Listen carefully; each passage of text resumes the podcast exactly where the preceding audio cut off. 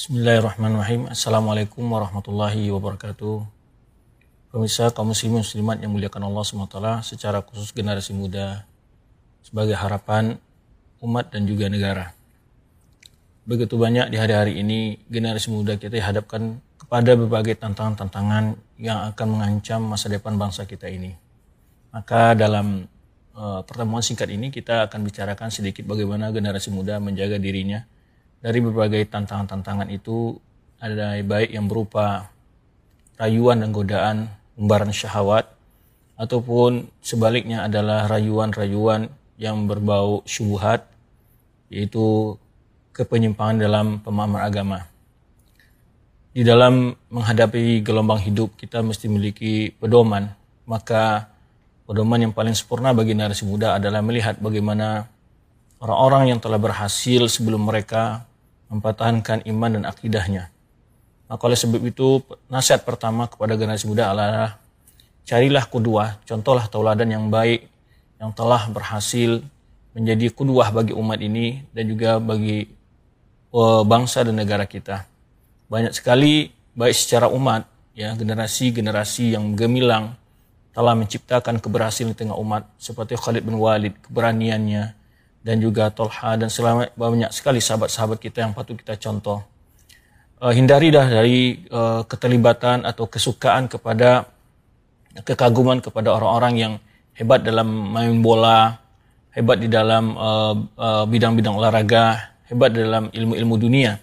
Tapi hendaklah Anda melihat kepada perjuangan-perjuangan, keberanian-keberanian pada pendahulu-pendahulu Islam yang telah berhasil membangkitkan semangatnya umatnya, membangkitkan kejayaan kepada umatnya, memberikan keberuntungan kepada umatnya.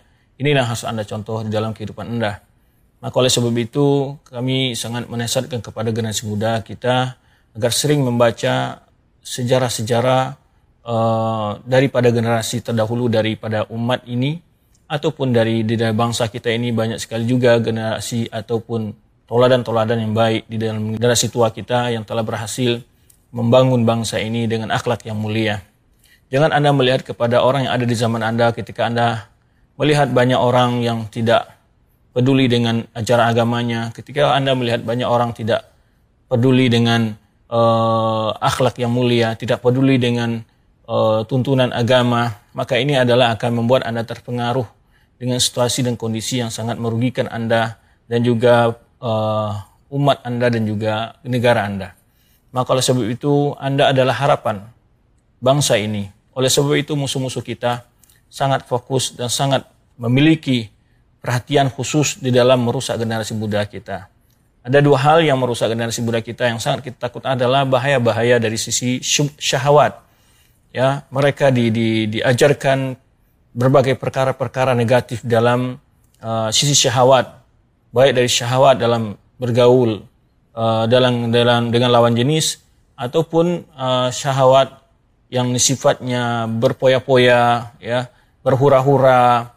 Karena banyak kita lihat generasi muda kita betapa mereka membuang waktunya di malam hari dengan memajang-majang sepeda motor yang sejenis atau mobil-mobil yang semodel ya atau kongkoi-kongkoi atau duduk-duduk ya.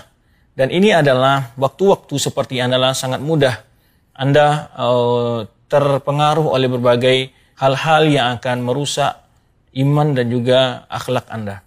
Maka oleh sebab itu, jika Anda ingin berhasil di dunia dan akhirat, dan itulah harapan kita semua, dan Anda menjadi kedua bagi orang-orang setelah Anda, janganlah Anda sebagai kedua dalam keburukan yang akan disebut-sebut bahwa keburukan itu berasal Anda yang pertama atau Anda terlibat ke dalamnya.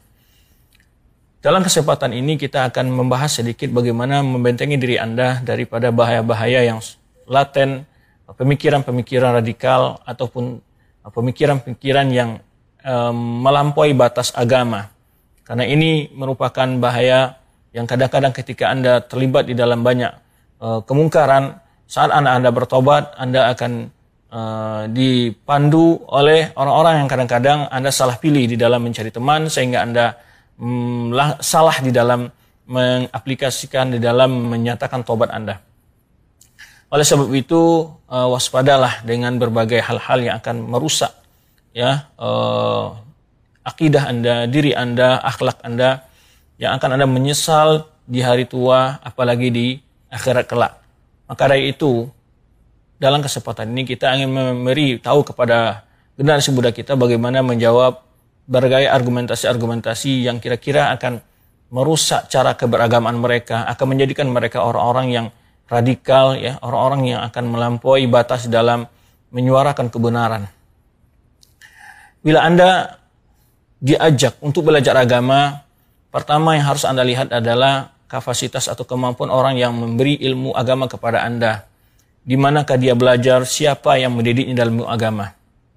Karena kita yakini ketiga generasi muda kita minim ilmu agama yang didapati dalam segala jenjang pendidikan, baik dari mulai dari SD, kemudian pendidikan menengah, kemudian menengah atasnya, tingkatan atas, apalagi perguruan tinggi. Mereka kadang-kadang setelah tamat perguruan tinggi merasakan kekosongan di dalam dirinya dan butuh banyak ilmu tentang agama mulai dari bagi hal-hal yang yang dia merasakan jauh sekali kurang di dalam memiliki ilmu agama di dalamnya salat puasa ya akhlak yang baik dan seterusnya macam keimanan kepada Allah nah kekosongan ini harus anda hendak hendaknya isi dengan melalui jalur yang tepat atau sumber yang yang benar kadang-kadang generasi muda karena dia selama ini bergelumur di dalam banyak hal yang dia lakukan, kemudian menyesali perbuatan itu. Kadang-kadang ketika dia saat menghendak mencari kebenaran itu, salah arah dan salah di dalam mencari uh, guru.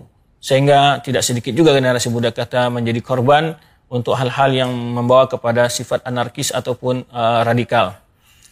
Maka oleh sebab itu langkah pertama Anda untuk menjaga diri Anda adalah carilah orang ketika Anda tempat belajar itu orang-orang yang memang dikenal di mana dia belajar, siapa gurunya, ya, dan terlihat sifat terjangnya yang lurus dalam berdakwah ini. Maka oleh sebab itu ini yang harus Anda lakukan pertama sekali. Jangan belajar ke sembarang orang.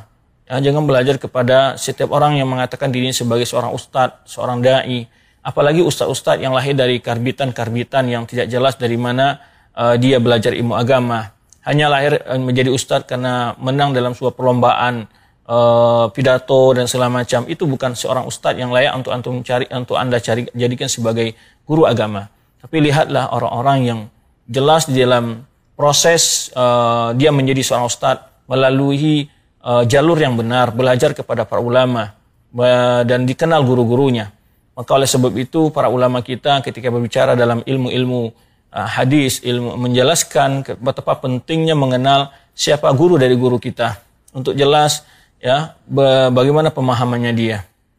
Ya, maka istilahnya ulama kita ketika menerima riwayat menerima ilmu mereka mengatakan samulana uh, sumulana rijalakum ya tunjukkan siapa guru-gurunya di mana ia belajar karena ada kadang-kadang orang yang tidak bisa berbahasa Arab saja dia sudah mulai berceramah, dia sudah mulai memberikan fatwa-fatwa, memberikan uh, wajangan-wajangan agama, tetapi sangat rancu di dalam memberikan keterangan-keterangan dan memahami ayat-ayat Allah. Jika Anda saat kita uh, ingin menjadi seorang hakim saja, mesti mengetahui berbagai kaidah-kaidah, mesti mempelajari ilmu itu melalui jalur yang benar, apalagi ilmu agama. Karena bahaya yang ditimbulkan oleh kesalahpahaman dalam ilmu agama sangat membahayakan dunia dan akhirat Anda. Tapi kalau ilmu dunia salah-salah ya, itu resiko yang tidak terlalu besar di sisi Allah Subhanahu wa taala ya ataupun di sisi manusia kerugian yang ketimbulkan tidak separah apabila kerusakan terjadi dalam urusan-urusan dunia ini. Maka oleh sebab itu hal yang pertama untuk membentengi diri Anda dari pemaham-pemaham radikal, dari pemaham-pemaham yang menyimpang itu adalah Anda melihat kepada siapa Anda belajar ilmu agama, dan Anda ketahui bahwa dia adalah seorang orang yang memang menuntut ilmu agama melalui jalur yang yang yang sebenarnya adalah di uh, tempat mencari ilmu agama. Ya melalui para ulama yang mendidik melalui lembaga yang dikenal sebagai lembaga ahlu sunnah wal jamaah lembaga yang lurus lembaga yang dalam amanah dan akidahnya ini langkah pertama biar uh, anda sebagai seorang pemuda selamat dari pengaruh pemikiran-pemikiran yang menyimpang dalam pemahaman agama. Kedua adalah hal yang penting untuk Anda lakukan adalah ketika uh, Anda diberi pelajaran ilmu agama, ya, Anda mesti me menyadari ilmu yang diberikan itu apakah ilmu yang dapat, ya, ilmu yang memang saat Anda butuhkan ataukah ilmu yang hanya memfokuskan dari sisi uh, semangat saja. Ya, ketika Anda diberi ilmu agama, Anda dimotivasi semangatnya. Kamu harus begini, kemungkaran begini setun dan tidak memulai dari pendidikan akidah. Nah, ini, ini harus Anda waspadai. Jika Anda awal belajar ilmu agama, Anda hanya dipompa, Anda hanya di di di di, di, di doktrin untuk bagaimana amar ma'ruf nahi mungkar, mencegah kemungkaran, kemungkaran terjadi di penguasa, kemudian melihat kemungkaran-kemungkaran orang kafir atau apa pun saja itu yang diberikan lebih dahulu kecemburuan Anda kepada uh, kepada kemungkaran dulu ya, tidak memberi keyakinan iman dahulu. Tapi setelah itu uh, tapi Anda itu didoktrin bagaimana umat dalam keadaan tertindas, bagaimana keadaan Islam dalam keadaan tertindas segala macam. Jika ini dimulai dalam memberikan uh, ilmu kepada Anda, maka Anda waspada satu saat Anda akan menjadi diberi paham radikal oleh mereka yang ketika Anda frustasi melihat keadaan umat yang begitu rusak, melihat keadaan pemerintah atau penguasa yang begitu banyak penyimpang-penyimpang, anda akan dipompa lagi semangatnya akan menjadi sebuah uh, gerakan-gerakan yang uh, radikal ataupun paham-paham yang bisa membawa kepada paham yang ekstrim dalam agama ini. Bagaimana Anda maka selanjutnya poin kedua yang harus Anda ketahui adalah ketika Anda diberi pendidikan agama, Anda diberi bagaimana terutama sekali ada kebutuhan aini, kebutuhan pribadi Anda diberikan, keyakinan Anda kepada iman kepada Allah, ya rukun iman yang yang enam diajarkan kepada anda lebih baik terlebih dahulu ya secara beransur-ansur ya. Tidak materi pertama yang diberikan kepada anda adalah bagaimana menguasai kekuasaan bagaimana memerangi orang kafir bagaimana um, apa namanya membersihkan kemungkaran kalau itu materi yang pertama biasanya materi-materi seperti ini berujung kepada uh, apa namanya pemahaman yang membawa Anda kepada penyimpangan di dalam memahami agama ini. Tetapi kalau kita lihat manhaj para ulama kita dan juga manhaj para ambiya semua, ketika mereka melihat penyimpangan banyak di tengah masyarakat mereka, seperti Rasul kita Shallallahu Alaihi Wasallam, yang pertama dibenahi adalah akidahnya, iman mereka terlebih dahulu, ya, tidak melakukan uh, amar ma'ruf mungkar sebelum dia memiliki ilmu dan iman yang begitu matang. Ya, ketika anda hanya dipompa dengan semangat bagaimana berjuang Islam ketika Anda tidak memiliki ilmu yang cukup ya, Anda akan banyak kesalahan-kesalahan dalam mengingkari kemungkaran itu, ya. Apalagi ketika tidak diberi Anda oh, sejarah bagaimana para ambiya di dalam berdakwah, kesabaran mereka, tetapi yang ada itu hanyalah kebengisan, seakan-akan kemungkaran itu harus ditupas dengan kekerasan, dengan cara yang uh, drastis, dan perubahan yang yang cepat. Nah, ini adalah hal-hal yang perlu Anda waspadai dalam menerima ilmu agama. Ketika ada orang mendoktrin Anda, awal belajar ilmu di sini, Anda bicara masalah politik, kekuasaan, memotivasi Anda bagaimana supaya hmm, menggantikan penguasa atau memotivasi Anda untuk berbicara masalah kebutuhan umat, ya pertama sekali umat Islam di, di, di berbagai dunia dizalimi jika ini materi pertama ini indikasi-indikasi bahwa anda akan didoktrin kepada pemahaman yang radikal. Bukan berarti pema, apa namanya materi ini tidak penting tapi bagi anda yang awal belajar awal muda ini persoalannya bukan levelnya anda bicara masalah menyelamatkan umat dari sisi uh, pengaruh umpamanya skala internasional dengan skala nasional anda diajak untuk berbicara hal itu. Ini bukan levelnya anda.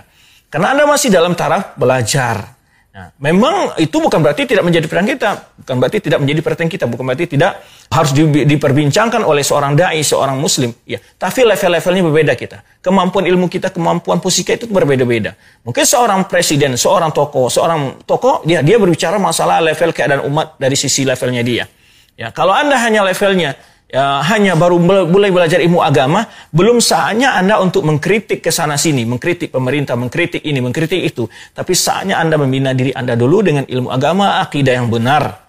Nah, oleh sebab itu kita lihat manhaj para para nabi dan juga secara khusus nabi kita Muhammad SAW kita melihat begitu banyaknya kemungkaran yang terdapat di tengah umat jahiliyah beliau membina terlebih dulu akidah selama 13 tahun beliau membina akidah maka oleh sebab itu di dalam materi-materi akidah itu Anda akan diberi bagaimana uh, seharusnya seorang mukmin ya kepada penguasa, kepada non muslim itu akan diberi materi-materi itu sehingga Anda akan digiring kepada pemahaman yang lurus dalam menyikapi berbagai uh, penyimpangan, berbagai penyelewengan, berbagai kemungkaran.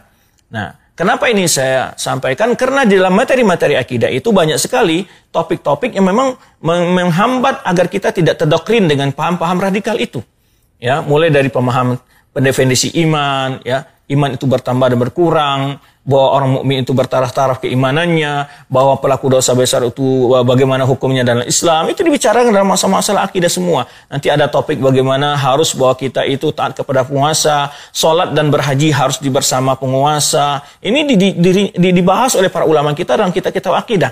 Kenapa ini menjadi topik yang dibahas para ulama kita? Karena karena dari sinilah awal penyimpang-penyimpang terjadi di awal Islam di masa uh, kekhalifahan Utsman bin Affan yaitu munculnya orang-orang yang mengkudeta beliau yang memberontak kepada beliau yang akhirnya terbunuhnya beliau yaitu dari paham seperti ini yaitu karena yang menyampaikan ilmu-ilmu di di di, di pinggir-pinggir uh, daerah Islam waktu itu adalah Abdullah bin Sabah yang memberikan berbagai macam bentuk uh, syubhat ya argumentasi-argumentasi yang menyesatkan sehingga terprovokasilah sebagian orang-orang yang tidak berilmu untuk melakukan perlawanan kepada Khalifah Utsman bin Affan di kota Madinah.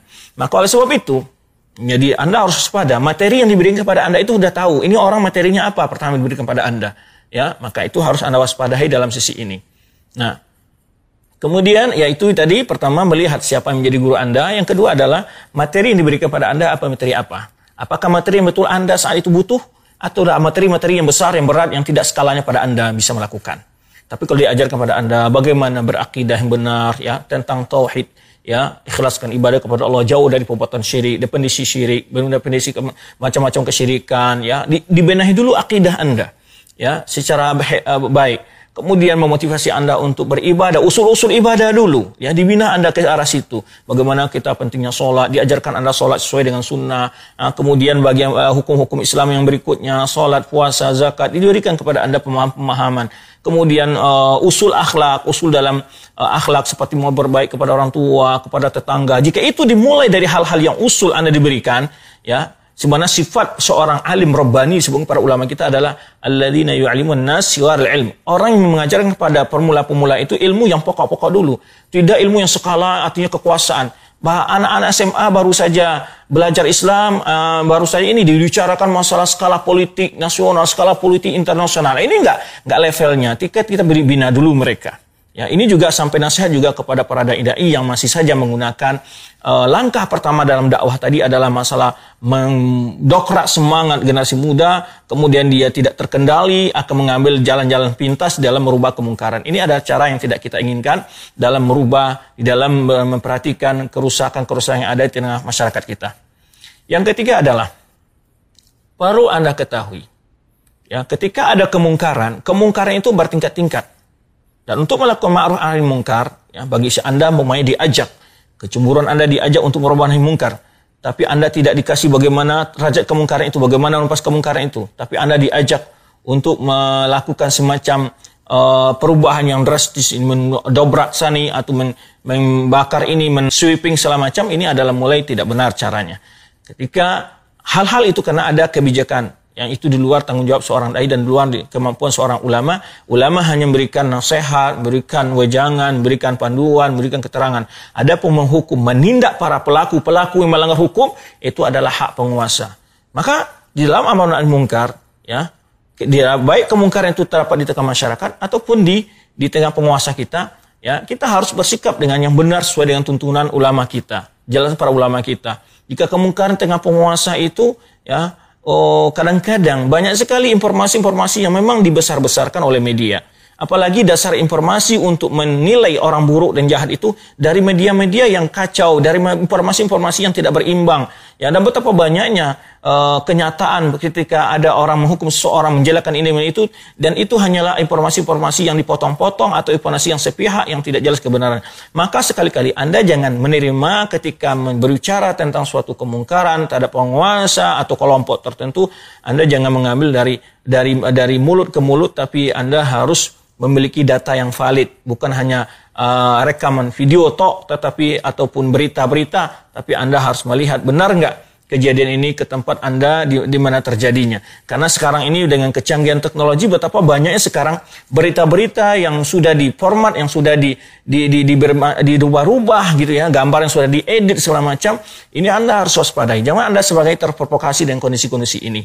Maka oleh sebab itu kemungkaran kadang-kadang orang-orang saat sudah bertobat kepada Allah dia gerah sekali melihat kemungkaran-kemungkaran itu. Karena dia uh, ingin merubah dan mendabrak hal itu. Ini anda harus waspadai bahwa dalam merubah kemungkaran ada tingkatan-tingkatannya ada wilayah-wilayahnya, ada kemungkaran yang yang yang perlu besar dan juga ada orang yang layak untuk merubah di situ. Jadi kalau Anda mulai mulai mulai belajar jangan serang sana serang sini ya sesatkan sana sesatkan sini bid'ahkan sana bid'ahkan sini padahal Anda baru menghadiri majlis taklim dua kali tiga kali empat kali lalu Anda sudah seenaknya menyalah-nyalakan itu tidak benar. Itu bukan levelnya Anda. Untuk menjadi ketingkat itu Anda harus belajar dulu, bersabar dulu dalam beramal, bersabar dulu dalam mengikuti perkembangan dakwah sehingga Anda memiliki pengalaman-pengalaman dari guru-guru Anda ya melihat jangan Anda istijal ya uh, di dalam atau terburu-buru dalam melakukan sebuah tindakan. Itulah tiga nasihat ya yang ingin kita berikan pedoman kepada generasi muda kita agar mereka jauh dari pemahaman-pemahaman yang mem mem memancing mereka untuk jatuh kepada tinggal-tinggalkan anarkis atau tindakan yang radikal. Wallahu a'lam bishawab. Assalamualaikum warahmatullahi wabarakatuh.